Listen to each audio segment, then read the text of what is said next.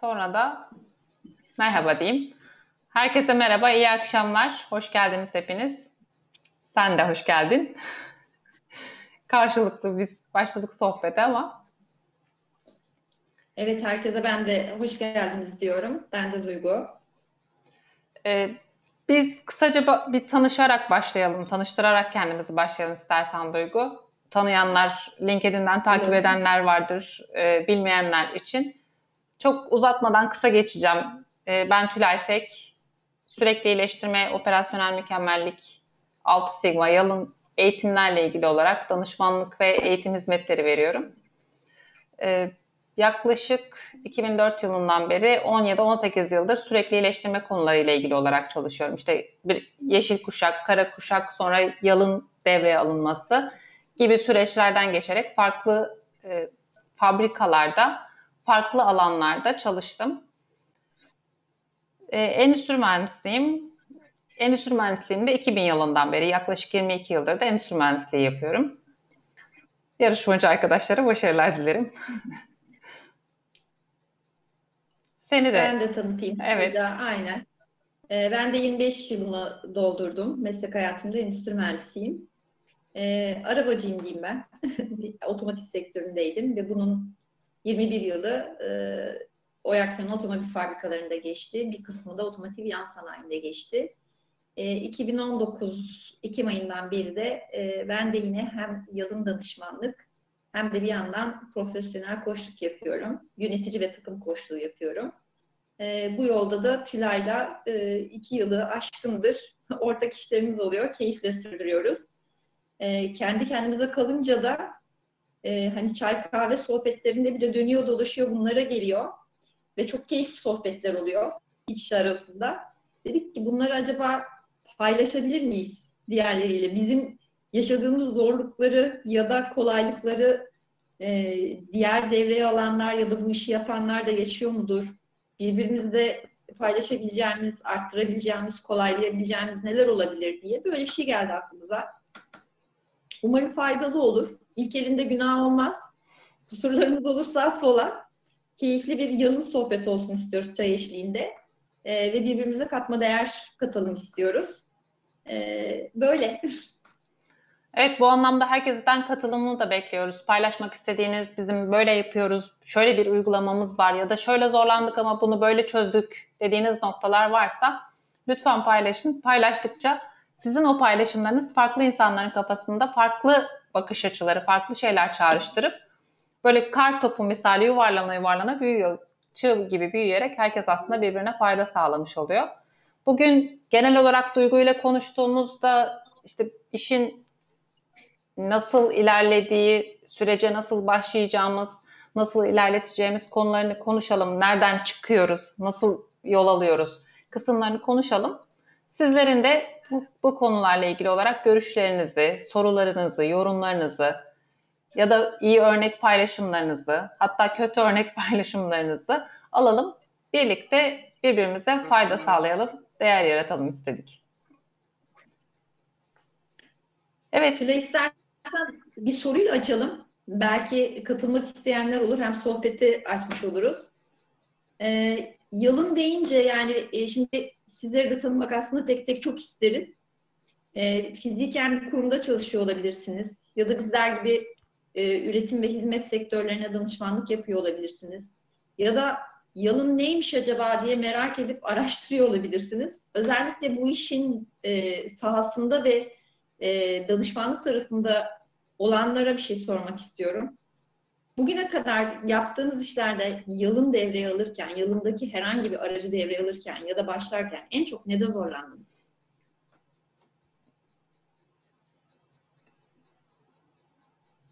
Var mı gönüllü? Merhaba, galiba. Merhaba Oğuzkan Bey. Merhaba Oğuz. Ee, yani tabii ki her zaman aslında dirençle karşılaşıyoruz. İnsanların değişime karşı olan direnciyle karşılaşıyoruz. Bence. Ee, çünkü aslında uzun süredir aynı çalışma şekline sahip insanlara farklı bir şekilde yaklaştığımızda ister istemez e, onun iyi mi kötü mü olmadığını o an algılayamayabiliyorlar. Ta ki işlerine yarayan bir şeyler ol, olana kadar. E, o yüzden de ilk başta genelde dirençle karşılaşıyoruz diye düşünüyorum ben. Hatta uygularken de karşılaşıyoruz yani devam ederken de karşılaşabiliyoruz. O direnç bazen bitmeyebiliyor. İnsan diyorsun yani. En çok karşılaşılan zorluk insan. Yani evet. Teşekkürler.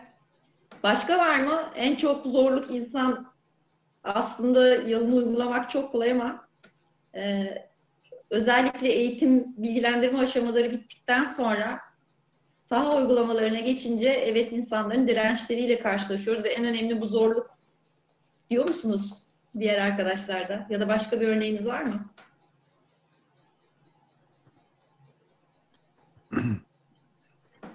Üç tane e, konu var yalınla ilgili. Murat Keçici benim ismim. Merhabalar, iyi akşamlar. Merhaba. İyi akşamlar. E, OPEX müdürü olarak ve yalın ve OPEX müdürü olarak aynı zamanda bakım ve TPM müdürü olarak çalışıyorum. Şansa'da otomotiv yan sanayi. E, 1500 kişilik bir firmayız. E, yaklaşık 5 senedir bu görevi yürütüyorum. Yalın e, dönüşümü devreye alırken karşılaşılan bence 3 tane büyük zorluk var. Bunlardan bir tanesi bir yönetimin bu işe baş koyması gerekiyor. Ee, bir kere gemileri yaktık, geri dönmememiz gerektiğini, e, geri dönmememiz lazım. E, fikrinin verilmesi gerekiyor. E, yani akvaryumdaki büyük balıkları ikna etmek gerekiyor. E, bu birincisi. İkincisi sistemin e, problemleri ortaya çıkaran şekilde kurulması gerekiyor. Problemleri göreceğiz ki gidereceğiz. Üçüncüsü de bu problemleri çözecek ekibin içeride hazır e, olması gerekiyor. E, çünkü biz problemleri gördük tamam ama bunları çözmeye istekli ve motive bir ekip olması gerekiyor. Bu üçü olmadan, üçünün bir tanesi bile eksik olsa yalın olamıyorsunuz. E, ama üçünü birden e, düzgün yaparsanız e, sistem yalın dönüşümü tamamlamış oluyorsunuz. Bir de biz şeye benzetiriz. Eğitimlerde de anlatıyorum e, yalın dönüşümü bir e, mukavemet çekme diyagramı vardır. Karbon çelik çekme diyagramı. Belki hani siz makine mühendisi değilsiniz ama demir çelikle uğraşanlar bilir. E, bu elastik bölgeden plastik bölgeye geçilen bir yer vardır. Elastik bölgeden plastik bölgeye geçemezseniz yani kalıcı deformasyon sağlayamazsanız geri dönerseniz e, sistem e, kendini yok ediyor daha sonra içeride. Çünkü e, biraz argo bir terim olacak ama yalama denilen durum ortaya çıkıyor. Çünkü sistemi tekrar başa al, tekrar kurmaya çalış, tekrar başa al, tekrar kurmaya çalış. Bu sefer insanlar içeride inancını kaybediyor. E, dolayısıyla her seferinde üç kat daha fazla enerji harcıyorsunuz. E, o yüzden de yönetimin baş koyması, problemlerin ortaya çıkaran sistemin kurulması ve e, bu problemi çözecek e, ekibin içeride e, motive bir şey hazır olması gerekiyor. Benim fikrim bu. E, Murat Bey, üç maddede birçok bence kurumun özetini yaptınız. Çok teşekkürler katkınız için. E, bir, birkaç ekleme yapmak isterim eğer müsaade ederseniz. Tabii ki buyurun. E, yönetimin baş koyması e, kesinlikle katılıyorum. Şimdi benim gördüğümde şöyle oluyor. Aslında bu işi yönetim başlatıyor. Evet. Yani e, çalışan e, tüm arkadaşlar, operatör, mühendis e, hepsini kapsayarak söylüyorum. Onlardan gelmiyor bu aslında. Yönetim talebi evet. olarak geliyor. Bazen hani yalın deyince de bir sürü aracı var. E, komple yalın yapalım diye de bir şey olmayabiliyor. Kimi firma 5 S'e ihtiyacım var diyor. Kimi firma ben e, problem çözme tekniklerini istiyorum çünkü kalite dönüşlerim çok fazla diyor. Değişik nedenlerle bu üst yönetimden geliyor. Burada hiçbir sıkıntı yok. Evet. Sıkıntı şuradaki e, şimdi genelleştireyim mi diye de düşünüyorum ama genelleştireceğim. Aslında üst yönetim bunu istemiyor. Ya e, ana sanayisi ya müşterisi e, talep ediyor bunu. Ve bir evet, süre işte, e, tarih isteniyor, o isteniyor, bu isteniyor. Eninde sonunda bu sistemleri yapmak zorunda olarak aslında yönetim bunu ekiplerine yaygınlaştırmaya karar veriyor. Öyle olunca da e, içten gelmeyen bir taleple yola çıkılınca da e, aşağısı da hani aşağısı da demek e, çok doğru değil. Devreye alacak olan ekipler de bocalamaya başlayınca bu sefer e, üst yönetim kadrolardan bekliyor, kadrolar üst yönetimden bekliyor. Aslında hiç kimse istemiyor bunu talep eden bir başkası. Dolayısıyla bence e, problemler buradan başlıyor. E, yani yalının felsefesini e, herkesin e, dikkatini çekmeyebilir ya da sıkıcı gelebilir ama yalının felsefesini anlamadan yalının herhangi bir aracına başlamak e, şuna götürüyor. Evet birileri istedi. O sonuçları iyileştirmek için bu metotları kullanacağız. Ama sonuçta bir hani bu da bir gerçek. Bilmiyorum farklı görüşü olan var mı? Yalın başladıysa bir dönem sonra adam kazancı olmalıya gidiyor ve o zaman işler daha da tatsızlaşıyor. Hani büyük balık, küçük balık burada gidip geliyor gibi geliyor. E, problemlerin ortaya çıkmasını sağlayacak yöntemlerde de çok haklısınız. E, bunu böyle eğitimlerde ya da kendi aramızda konuşurken harika bir şey olarak yani her problem bir fırsattır diyebiliyoruz. Kendi yaşantılarımızda da öyle. E, bu bir kuruma gittiğinde e, problem hangi birimde çıktıysa o yalının düşmanı oluyor.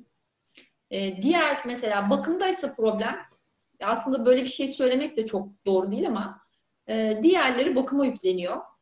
E, üretim, işte kalite, lojistik onlar seyrediyor ve sürekli yorum yapan taraf oluyor. E, çözüme yönelik kimsenin e, bir şey konuşmadan e, diğer problemler nasıl olsa şimdilik askıya alındı. Hadi bakım üzerinden gidelim diye düşünülüyor. En azından benim gözlemlerim bunlar.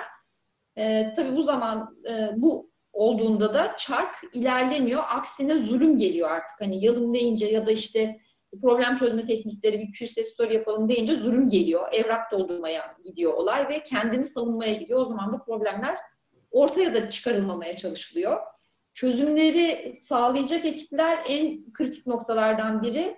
Çünkü gerekli teknik donanıma sahip olmak gerekiyor. Yani bir şeyin kağıdının, küreğinin metoduna uygun tahtalara, bilgisayarlara kayıt edilmesi sadece düzeni sağlıyor.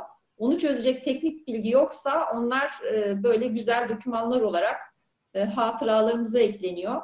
E, tüm bu üç söylediğiniz maddeyi toparlayacak olursak da aslında yılın sadece metot.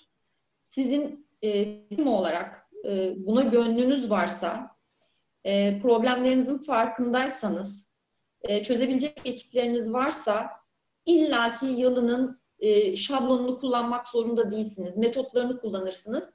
Yeni bir doküman yaratmazsınız. Sadece felsefesini ilerletirsiniz. Ben böyle de düşünüyorum. Çünkü yeni bir doküman getirmek, e, yeni formatlara geçmek de firmalara e, zor geliyor. Çünkü hali hazırda günlük bir e, iş yoğunluğu varken oradan oraya aktar, yenisine alış da zor geliyor. Ben burada felsefenin ve talep edenin firmanın kendisi olmasında e, kitlendiğini düşünüyorum. Teşekkürler e, üç tane değerli görüşünüz için. Aslında burada şöyle bir şey söyleyebilir miyiz Duygu? Hani o işin yapılmasını kim istiyorsa müşteri talep ediyor ya da farklı noktalardan oraya geliyor. Üst yönetim de istemiyor, çalışanlar da istemiyor diyoruz.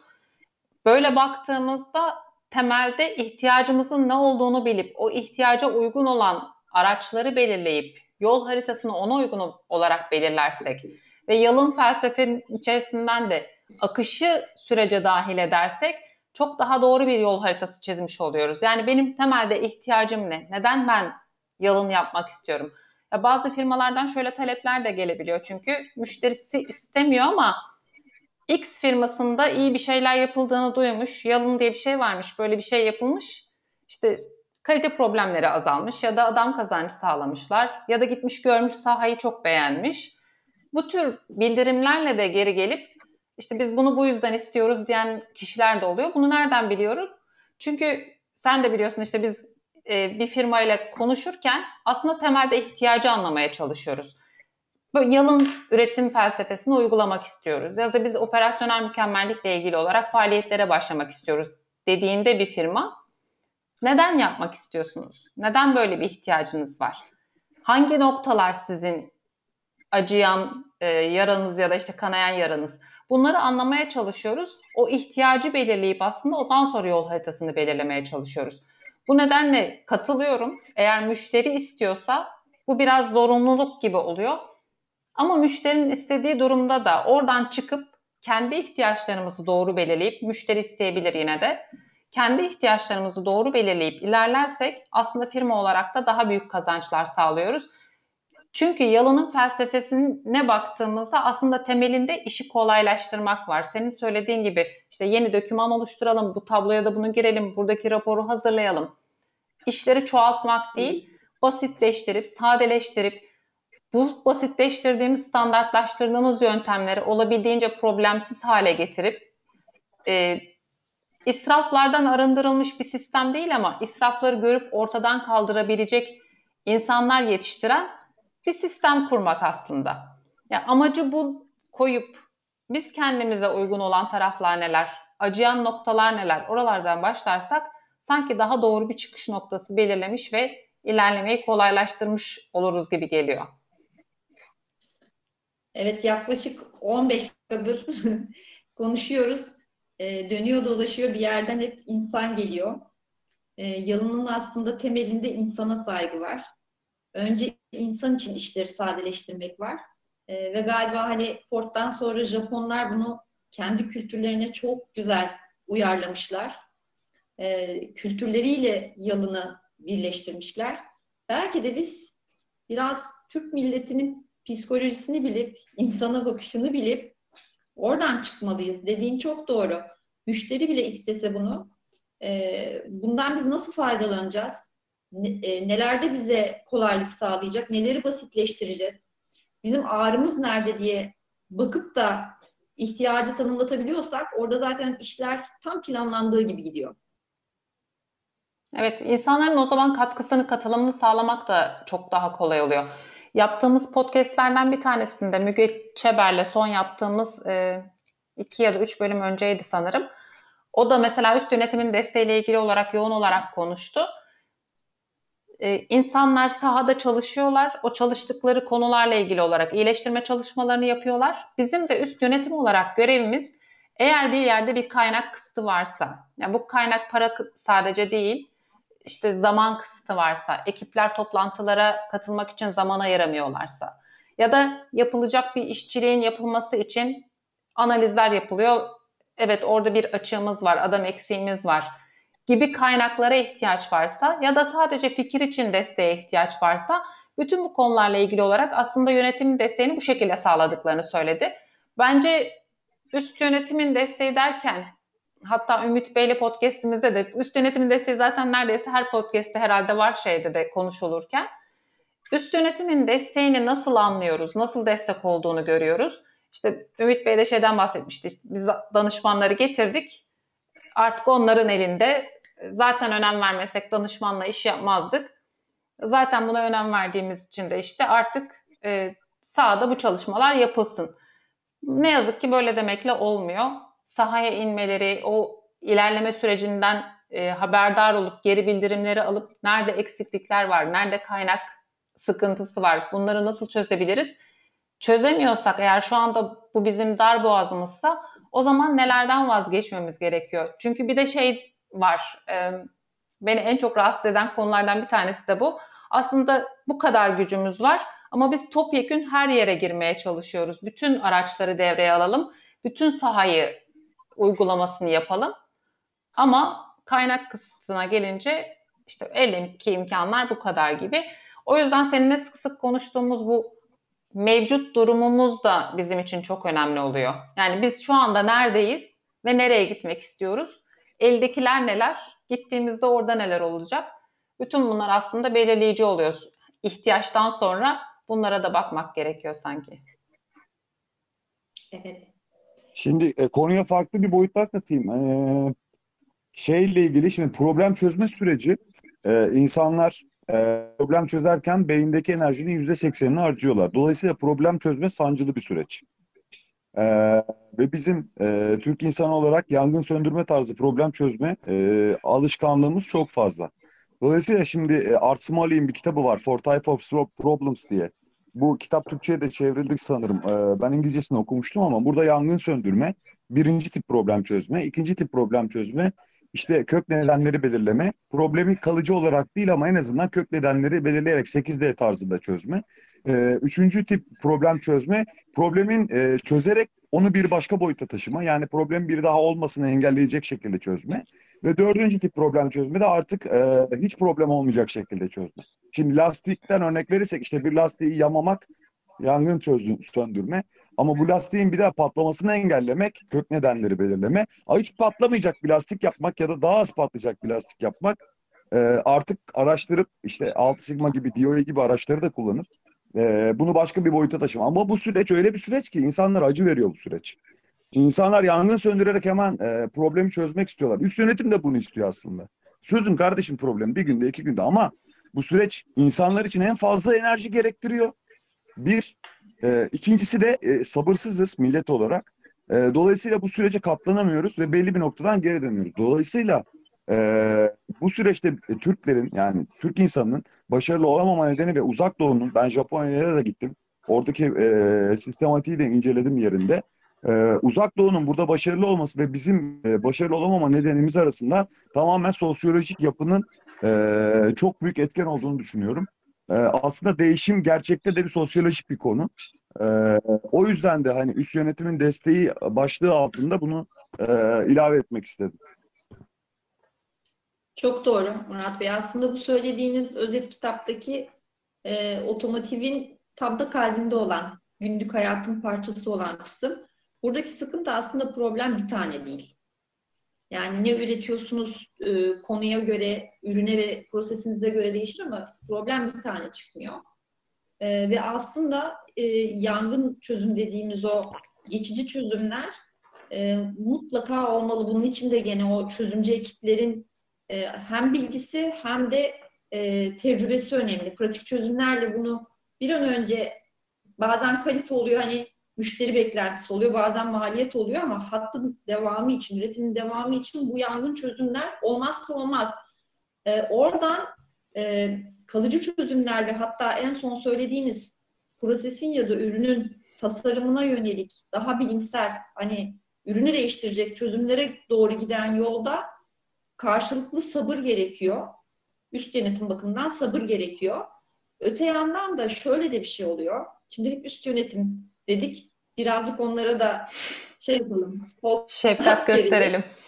Ee, şimdi e, burası Japonya değil. Burası Amerika değil. E, ekonomik durum meydanda. E, dolayısıyla hangi sistem olursa olsun e, maliyetler ortada olunca bir de hayatta kalma çabası var. E, o kadar ekmek yiyen insanın istihdamının devamının sağlama stresi var.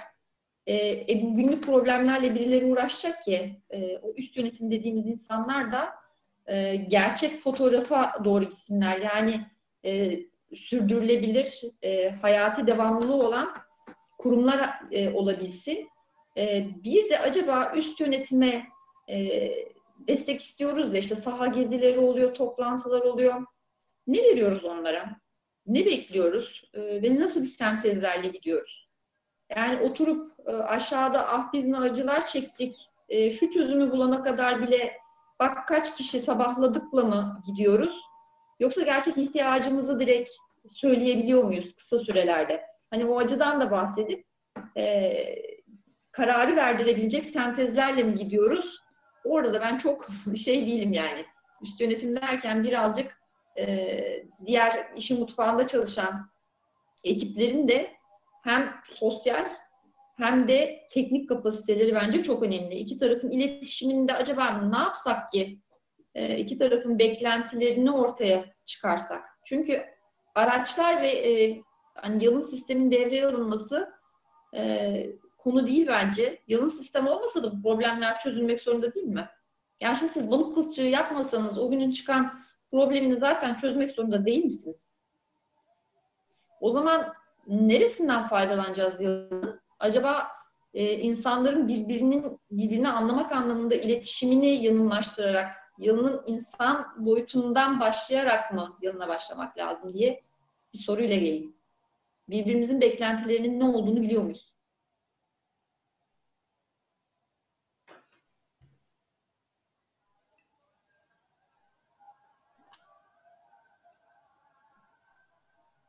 Bu sessizlik ezan okunuyor diye değildir herhalde. Allah hepimizin sonunu hayır etsin. Ee, yine ben yorum eklemek istiyorum aslında. Yani Aslında firmalar şöyle yaklaşıyor. İşte verimliliği arttırayım, işte karlılık artsın ya da işte başka noktalarda iyileştirmeler yakalayayım.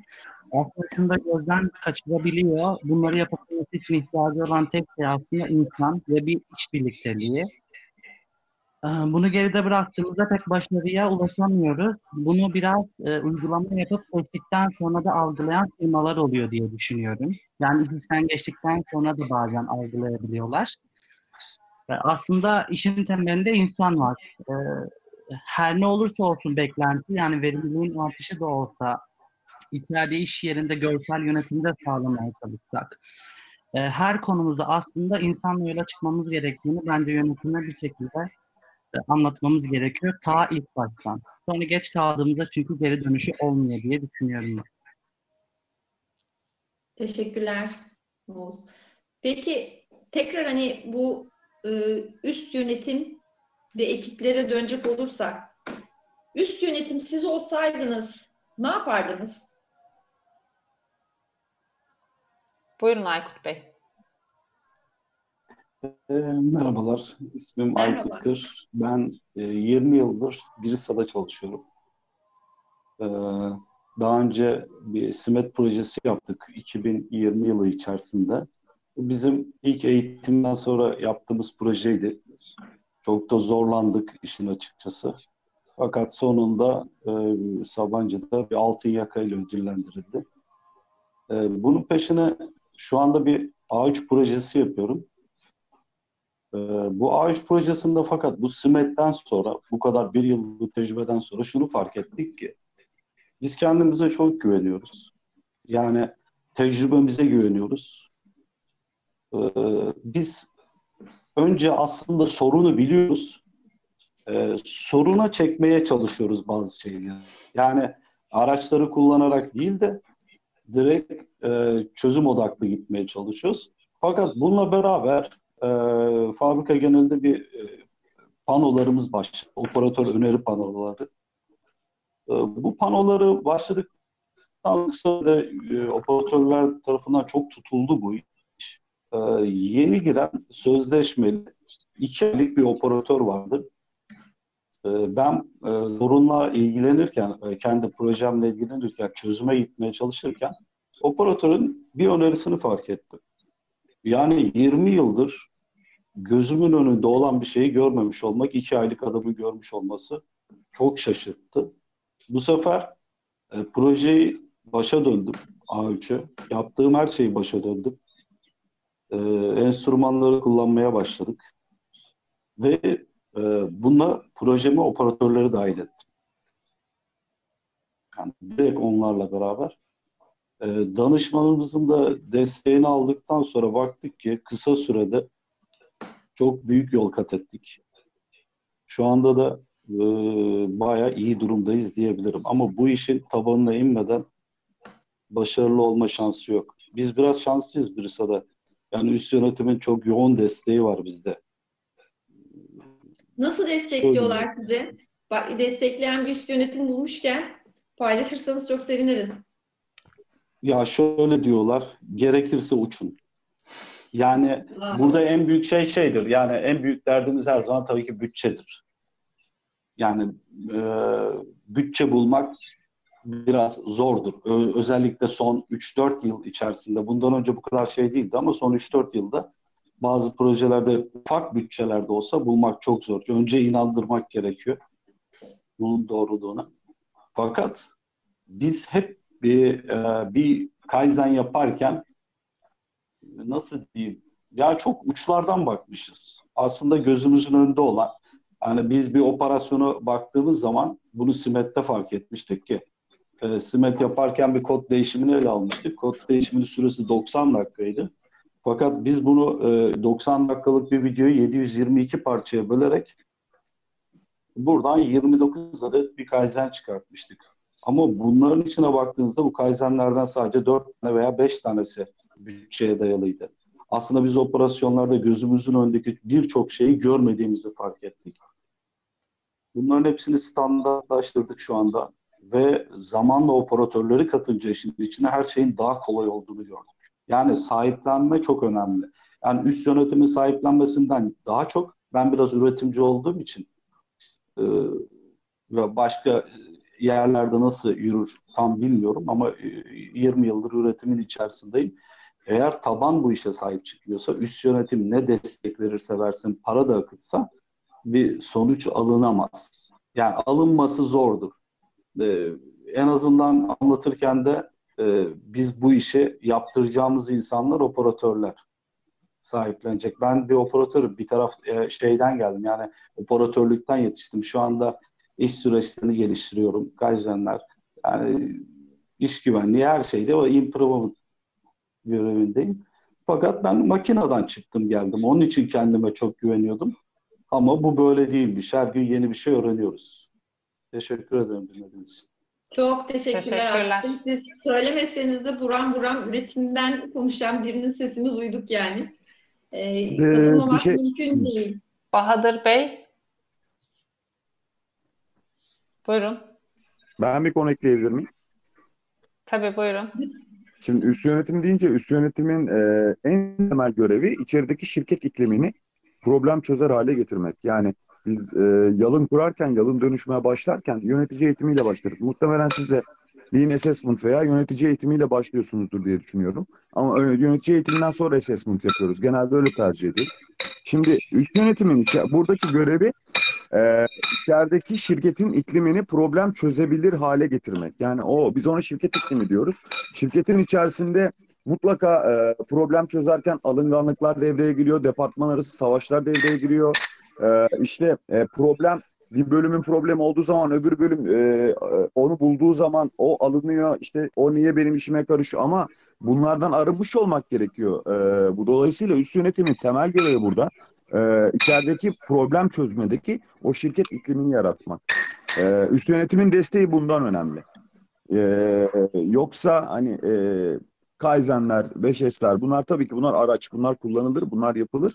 Ama biz yalının temel felsefesinden bahsediyorsak e, üst yönetiminin temel görevi e, şirketin içerisindeki problem çözme sistematiğine destek vererek içerideki bu alınganlıkları engelleyecek sistemin düzgün şekilde e, kurulmasını sağlamak. Evet, me- evet. Mesela hedeflerin birbirleriyle, departman hedeflerinin birbirleriyle çatışmamasını sağlamak aslında bence siz onu anlatırken o geldi ilk aklıma. Herkes kendi sahasını korumaya çalışıp kendi göstergesini gerçekleştirmeye çalışırken aslında bir başkasının göstergesine zarar verebiliyor dolaylı olarak. Evet. E, mesela değer akış haritası yapıyorsunuz. Değer akış haritasında ne yapıyorsunuz? Birkaç bölümü resmediyorsunuz. Hı. Bir bölümle değer akış haritası olmaz yani. Evet. Genelde bir e, ürünün girişinden çıkışına kadar lead time ölçüyorsunuz. Ne oluyor? Birçok departmandan geçiyorsunuz. Ham maddenin girişinden sevkiyata kadar olan süreci resmediyorsunuz. E burada en çok süre nerede? Atıyorum e, tekstilse dokumada, otomotivse işte kasnak hattı, montaj hattı vesaire. E, buralarda geçiyor, montaj hatlarında geçiyor vesaire. İşte şimdi buradaki o problemi gözüne soktuğunuz zaman oradaki kişi alınganlıkları devreye giriyor. Bu sefer savunma ihtiyacı hissediyor. Onu bertaraf edecek kişi kim? Onu bertaraf edecek kişi de işte üst yönetim. Yani bunun bir fırsat olduğunu, bunun kendisini geliştirmesi için bir fırsat olduğunu ona anlatarak onu ikna edecek kişi üst yönetim. Ee, içerideki insanlar bu sefer çünkü e, işte ilk değişime başladığınız zaman yüzde yirmi hevesliler, yüzde elli tarafsızlar, yüzde yirmi beş, on beşte münafıklar diyoruz biz ona. Çünkü onlar sistemi tamamen baltalayan insanlar. O münafıklar eğer o yüzde elli tarafsızları kendisine doğru çekerse sistem çöküyor. Dolayısıyla e, o e, münafıkları sistemden e, elimine edip e, o tarafsızları da şeye doğru çekmek e, e, istekleri istekliler tarafına doğru çekmek e, üst yönetimin temel görevi esasında. Hani e, ben böyle özetlemek istedim. Vallahi süper özetlediniz. Bunu hiç unutmayacağım. Tarafsızlar, münafıklar tarafından kandırılamayacak. Harikaydı. Bahadır Bey el kaldırıyor ama. Buyurun Bahadır Bey.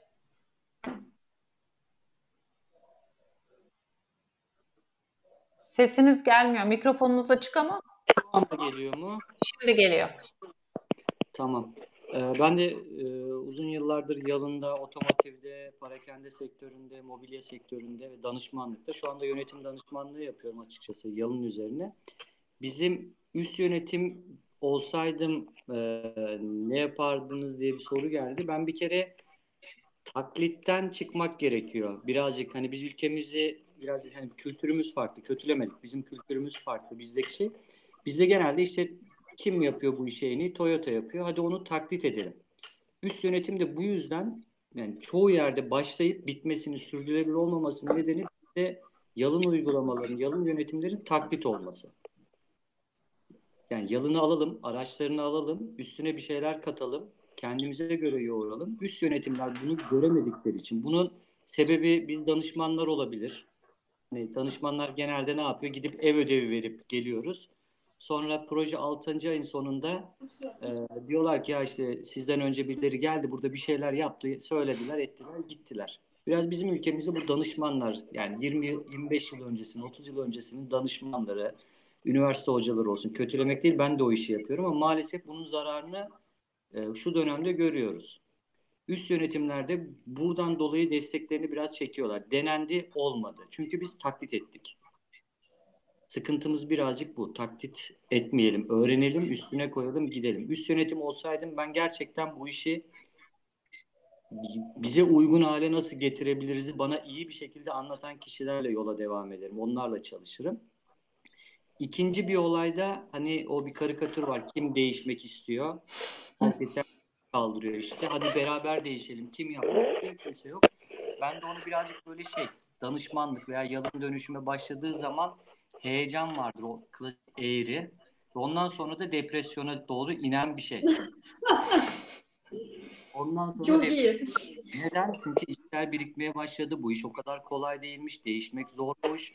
Öyle kitaplarda okuduğumuz gibi değilmiş bu iş ya. 5S ya işte tertip düzen yok aslında. 5S sadece o kadar basit sildik, süpürdük, temizledik değil. O yüzden depresyona giriyor firmalar. Sonrasında da diyorlar ki yaptık olmadı ya da biz bu kadar yapıyoruz. Ne kadar ödül veriyor? Yani ben bir işte en son direkt mobilyadaydım mesela. Ya diyoruz ki Kaizen yazın, öneri yazın, size şu kadar para vereceğiz, şunu yapacağız, işte ödül vereceğiz, mektup, hediye, tatil, yemek. Operatörlerden hiçbir şey gelmiyordu. Çünkü artık dolmuş ve taklit etmeye başlamışlar. Sürdürülebilirlik bitmiş. İnanç orada kayboluyor. Birincisi bu işi gerçekten bize uygun hale getirerek yapmak. Evet aramızda buna direnç gösterenleri, Murat Bey'in tabiri gerçekten güzelmiş. Münafıkları uzaklaştırmak ya da orada di, yalın dinine davet etmek, inandırmak. Ee, ve bunu sürdürülebilir hale getirmek gerçekten en önemlisi. Direnç önemli ama sürdürülebilir hale getirmek ben bir firma İzmir'de bir firmaya danışmanlık yaparken takım lideri senin ayağını sıkarım dedi. Sen benim rahatımı bozuyorsun. Evet, abisi de içerideymiş sonradan öğrendim. Oo. Abi, Eyvah eyvah. ama o proje biteli yaklaşık 5 sene oldu. Biz hala görüşüyoruz. Dost oldunuz. Mesela şöyle ikna ettim. Yani ben haftanın dört günü firmaya gidiyordum. Öyle iki haftada bir gidip gelmiyordum mesela. Onların tişörtünü giydim mesela. Firmanın operatör tişörtlerini aldım, onu giydim. Ben sizinle bu işi yapıyorum. Ve ondan sonra işte Gemba panolarını ben onunla doldurdum. Ya bunu bilgisayarlardan görüyoruz, ekranlardan. Yok dedim. Bunu böyle dolduracağız. Ben doldurdum. Sonra karşıma onu aldım, anlattım. Sonra dedim ki hadi sadece bana anlat. Ve ondan sonra dedim ki ben senin karşısına bütün bölüm müdürlerini ve haftada bir günde CEO'yu getireceğim. Şimdi bu şekilde onunla böyle konuşarak bunun faydasını ve ona o özgüveni, o gücünü verdiğin anda operatör, takım lideri, bölüm yöneticisi buna inanıyorlar ve sürdürülebilir hale getiriyorlar. Yani yalındaki en önemli problem direnç değil bence bunu devam ettirebilmek. Ben de böyle bakıyorum. Üst yönetim olsam da ben dediğim gibi bana taklitlerle gelmeyin kardeşim. Bana bu firmanın neye ihtiyacı var? Yani ameliyat masasındaki bir hasta için su onu ölüme götürebilir. Ama haftalardır susuz kalmış, çölde kalmış birisi için de su onu hayata tutunur. Orada o ihtiyacı belirlemek lazım. Yani her kıyafet herkesin üstüne uymuyor. Bizim en büyük problem de bu. Biz bütün firmalarımızı Toyota yapmak istiyoruz. Hayır olamayız, olamazlar. Ona göre, nabza göre şerbet vermek gerekiyor diye düşünüyorum. Çok konuştum. Birazcık eğitim eğitim verince böyle oluyor. Yok yok harika oldu bu da. Ee, özellikle ilk söylediğiniz şey hani taklit yönetim olsaydı taklitten kaçardım dediğiniz şeyi e, Tülay'la biz böyle yalı sohbetler kendi aramızda yapıyoruz diyorum ya en çok konuştuğumuz şeylerden biri bu. Hatta e, işin esprisini söyleyelim. En son şunu söyledik. Ya Japon sabahları spor yapıyor diye bizim operatörlere sabahları Japon usulü hareket yaptırmaya başlayan firmalar bile var. Ya hiç değilse bunu Türklere uygun olsun da sabahları halay çektirelim dedik. Yani taklitte artık e, üst seviyelere çıktık. Japon gibi giyin, Japon hızında çalış. E, dediğinizde çok doğrusunuz. E, bu metotların e, kendi kültürümüze ve üretim araçlarımıza uygun hale getirilmesi ihtiyaca göre bence hem üst yönetim hem e, bunu uygulayan ekipler açısından en önemli konulardan biri. Hüseyin Bey el kaldırıyor ama. Hüseyin Bey. Sesim gelebiliyor mu bilmiyorum. Geliyor şu anda. Merhabalar. Ee, öncelikle ben aktivitelerinizi çok merakla ve ilgiyle takip ediyorum. Çok teşekkürler. Teşekkür Böyle bir ederiz. yolu baş koyduğunuz için harikasınız. Küçük bir anekdotla katkıda bulunmak istiyorum. Bir, ben e, Büyük bir beyaz eşya üreticinin yalın dönüşümüyle ilgili bir, birkaç hikaye dinlemiştim. E, bir Japon sensei'nin liderliğinde yapılan bir büyük kapsamlı dönüşüm projesi içerisinde bir fabrikada belli bir at, bir bölgede Beckett uygulamasının e, süreklilik kısmını, sustain kısmını tutturamıyorlar bir türlü. Temizlik. Yani hatta 5 dakika veriliyor operatörlere. Bu 5 dakika içerisinde bu 5 dakikanın e, işi sürdürmek için kullanılmasını sağlayamamışlar. Yani bir 15 gün kadar uğraşıyorlar. Daha sonra Sensei'nin önerisiyle genel müdür seviyesinin altındaki bütün yöneticiler 5 saatinde üstlerinde üniformayla, faraşlarla, küreklerle hatta gelip operatörün yapmadığı temizliği yapmaya başlıyor. Ee, bu çok çarpıcı bir etki yaratıyor ve direnci çok kısa sürede kırıyorlar. Aslında üst yönetimdeki inanmışlığın ilginç bir göstergesi bence bu, ilginç bir örneği. Ee, bazen de doğru anlatılan, doğru kurgulanan mesaj üst yönetim aldığı zaman bu noktaya kadar getirebiliyor. Yani Türkiye'de çok emin değilim ama pek çok firmada üst düzey herhangi bir yöneticinin bunu yapabilme olasılığı oldukça düşük. Bir danışman da tavsiye etse, hatta bir Japon sensei gelse belki yaptırabilir. Ama e, bu hikaye beni çok etkilemişti. Bu yalın dönüşüm konusuna ilgilenmeye başladığımdan beri onu paylaşmak istedim. Yani aslında e, bizim kültürümüzün dışında olması çok doğru, çok doğru. Ama bir yandan da e, bazen imkansızlık imkansızlar da hayata geçebiliyor. Sadece doğru formülize etmek lazım diye düşünüyorum. Evet. Aslında şeyi de yani ben hep şunu da savunuyorum. Bir insanın bir şeye karşı direnç göstermesi için altında yatan bir neden olması lazım. Yani ben bu işi böyle yapmak istemiyorsam ya da bahsettiğiniz örnekte işte temizliği yapmak istemiyorsak o 5 dakikayı temizlik yerine başka bir şeyle değerlendirmeye çalışıyorsam ya da işten kaçıyorsam aslında hepsinin altında yatan bir neden olması lazım. Belki bahsettiğiniz örnekteki bu ekstremlik de o çalışanların o bakış açısını kırdığı için faydalı olmuş olabilir. Yani şey gibi neden direnç gösterdiğini, neden bu işlere katılım göstermediğini insanların anlarsanız çünkü bazen de hani kaizen yapın diyorsunuz ama insanların farklı bakış açıları olamıyor. İşte hep aynı işi aynı şekilde yaptıkları için daha farklısını hayal edemiyorlar.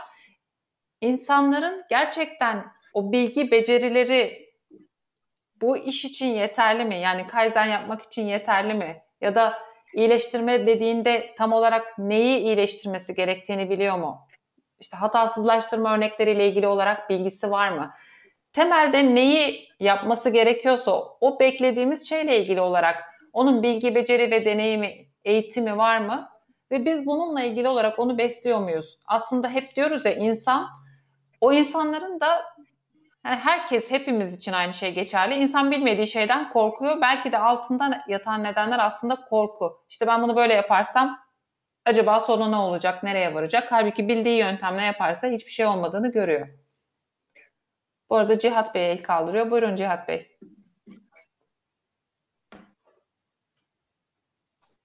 E, merhaba herkese, iyi akşamlar. E, ben birkaç firmada e, üretimde çalışmış bir gıda mühendisiyim. E, Golf dondurmada e, ilk başladım mesleğe, üretim şefi olarak. Bizim orada yaptığımız bazı projeler vardı ama hiç e, 5S olarak isimlendirmedik. Orada e, alan tanımlamaları yaptık ya da e, proseslerde iyileştirmeler yaptık. Daha sonra ben e, Aslan Foods'a geçtim. Şu an Heinz'a satıldı gerçi artık Heinz. E, Aslan Foods'a geçtim. Orada Japon bir danışman firmadan e, yalın desteği alınıyordu. Orada yalın yönetim vardı. Böyle işine girdikçe ya ben bunun 5S olduğunu bilmiyordum dedim. Aslında kendim yaptığım bir şeyler vardı. E, işin şeyini öğrendim. Aslında ismini öğrendim diyebilirim bazı şeyleri. Daha sonra içine girdik. Biz orada e, tüm birimler, e, bunun içine İK da dahil, ARGE'de, kalitede tüm birimler e, ortak ekipler kurduk. Bunun içine operatörler, personeller de dahil edildi. 5S ekipleri oluşturuldu.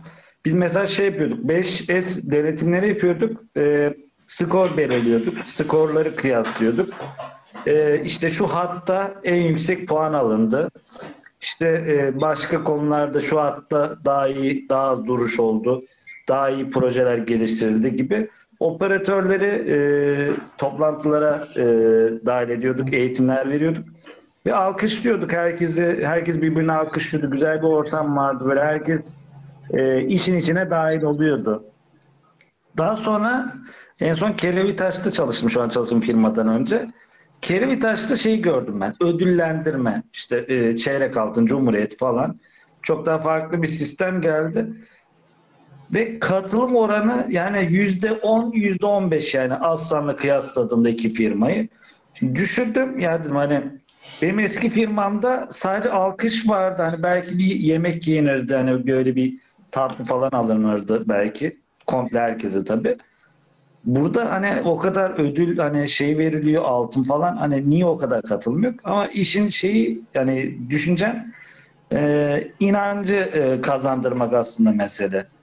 E, samimiyetle, inançla insanları alt e, personelleri kazandırırsak oradan gerçekten güzel şeyler, güzel dönüşler oluyor. Beşesi bir yönetici yukarıdan birisi aşağıya hayatta kazandıramaz. Yani deneyimlerimle söylüyorum birçok firmada. Beşesi orada o personel kendi alanında kendisi e, yaşatacak. Yani buna da ona kazandırmak, inandırmak gerekiyor. Ve bunun kolaylığını, pratikliğini de yansıtmak gerekiyor. Yani ne işe yaradığını doğru anlatmak gerekiyor. Yani bazı şeyler maalesef şu anda daha basit ilerliyor Türkiye'de. Ee, Birçok firmada da yine e, benzer şeyler duyuyorum. Böyle genelde el değiştirecek yerli firmalarda böyle bir kaizen çalışmaları başlıyor. Ee, kısa süreli çalışmalar oluyor. Hani kalıcı oluyor olmuyor orası ayrı. Daha sonradan projeler yarım kalıyor, bırakılıyor. Şu anda ben e, başka bir firmaya geçtim. Köfteci ustayım şu anda. E, burada bir şeylerin e, temelini atmaya çalışıyorum. E, geçmişten de deneyimlerim var. E, gerçekten kültür oturtmak çok zor. Kaizen'de yani gerçekten inanç ve kültür gerektiriyor. Burada da yani hepimize çok görev düşüyor diyebilirim. Dediğiniz gibi herkesin aşağıda sağda olması gerekiyor. Az önce verilen örnek çok güzeldi. Bize fabrika direktörü dahil herkes Gemba yürüyüşü her gün yapıyordu mesela. Hatların başında konuşuyorduk. O da tabii ki yöneticilerin sürekli hattın içinde personel ve operatörler iç içe olması gerçekten daha motive edici oluyor. Evet. Çok teşekkür ederim. Ee, ben de teşekkür ederim söz verdiğiniz için. Ee, herkese tekrar teşekkürler. İyi akşamlar. İyi akşamlar. Tülay nasıl toparlayalım bugünü? Aykut Bey de el kalkmış. Bir de ona söz ah, Pardon. Çok pardon. Ya son bir örnek vermek istiyorum. Aslında bazı şeylere çok üstten bakmamak lazım. Yani bir evin bir mutfağını düşünün. Ee, ben bir kere bulaşık makinesi boşalttım. İnan çok bir işmiş, çok uzun sürdü. Fakat eşimi e, bulaşık makinesini boşaltırken gördüğümde aslında kullandığı, yaptığı tekniği bir işi nasıl yalınlaştırdığını, e, 5S'i uygulayarak mutfakta en çok kullandığı şeyler her zaman elinin altında. Yani o uyguladığı bir 5S var evde. Bu nedir? Aslında yani kullanıcı demin dediğim gibi en alttaki kullanıcı kendi şeylerini geliştiriyor, işini kolaylaştırmayı. Ee, ben çoğu şeyi eşimde görebiliyorum. Hiçbir eğitim olmamasına rağmen bu konuda. Kadınları tebrik ediyorum. Geçmiş 8 Mart'ınızı da kutlarım. Teşekkür Çok Teşekkür teşekkürler. En güzel örnek bu oldu. Evet. Evet aslında söylenenleri toparlarsak Duygu üst yönetimin desteği, problem çözme becerimizin olması, problem çözebilecek ekiplerin olması ve problemlerin ortaya çıkartılabileceği bir kültür ortamın olması. Yani insanların problemleri ortaya çıkartmaktan korkmaması ya da işte farklı departmanların birbirlerini suçlamaması ya da suçlayacak bir ortam yaratılmaması. Ee, işin içinde insanların olması, sahadaki kişilerin katılımının sağlanması ve aslında üst yönetimin desteğinin daha çok sahada olarak, insanları anlayarak ilerletebileceğini aslında birçok örnekle de bugün katılımcılar da belirttiler. Bizim de deneyimlerimiz o yönde. Ve temelde ihtiyacımızın ne yönde olduğunu belirleyip işte az önce Bahadır Bey'in verdiği örnek de çok güzeldi. Hastanede ameliyat masasında yatan birine su vermekle çöldeki susuz kalmış birine su vermek aynı şey değil. Dolayısıyla herkese aynı ilacı sunmak yerine nerede nasıl bir ihtiyaç var bunu belirleyip ilerlemek daha doğru bir yol haritası oluşturmak için e, iyi bir yöntem gibi gözüküyor. Sen... Evet ben de katılıyorum. Yani gene insan konuştuk aslında. Nereden bakarsanız insan konuştuk.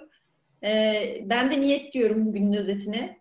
Ee, üst yönetim, operatör, e, her bir çalışanın niyetinin ne olduğunun e, çok önemi var ve burada e, kim demişti? Notlarımdan şimdi bulacağım. E, üst yönetimin en büyük görevi e, iklimlendirme. Yani Murat Bey söyledi. E, evet, birimler arasındaki uyumu sağlayacak, e, bazen gerilimleri dengeleyecek, e, aynı vizyonu oluşturan üst yönetimin o vizyona doğru giderken insanların kalplerini de kazanarak e, çatışmalar yerine işbirliğiyle devam etmesini sağlayacak olan üst yönetim aslında. E, şey örneği de çok güzeldi. Hani bir iş gitmiyorsa, bir yerde bir problem çözülemiyorsa hadi bakalım biz de aşağıya deyip gerekirse temizliği de birlikte yapmak harika bir örnekti. E, niyetlerin e, eseri bence bu. Yani oradaki yöneticilerin niyeti o işi Yap. yapılıyor olarak görebilmek demek ki inebiliyor.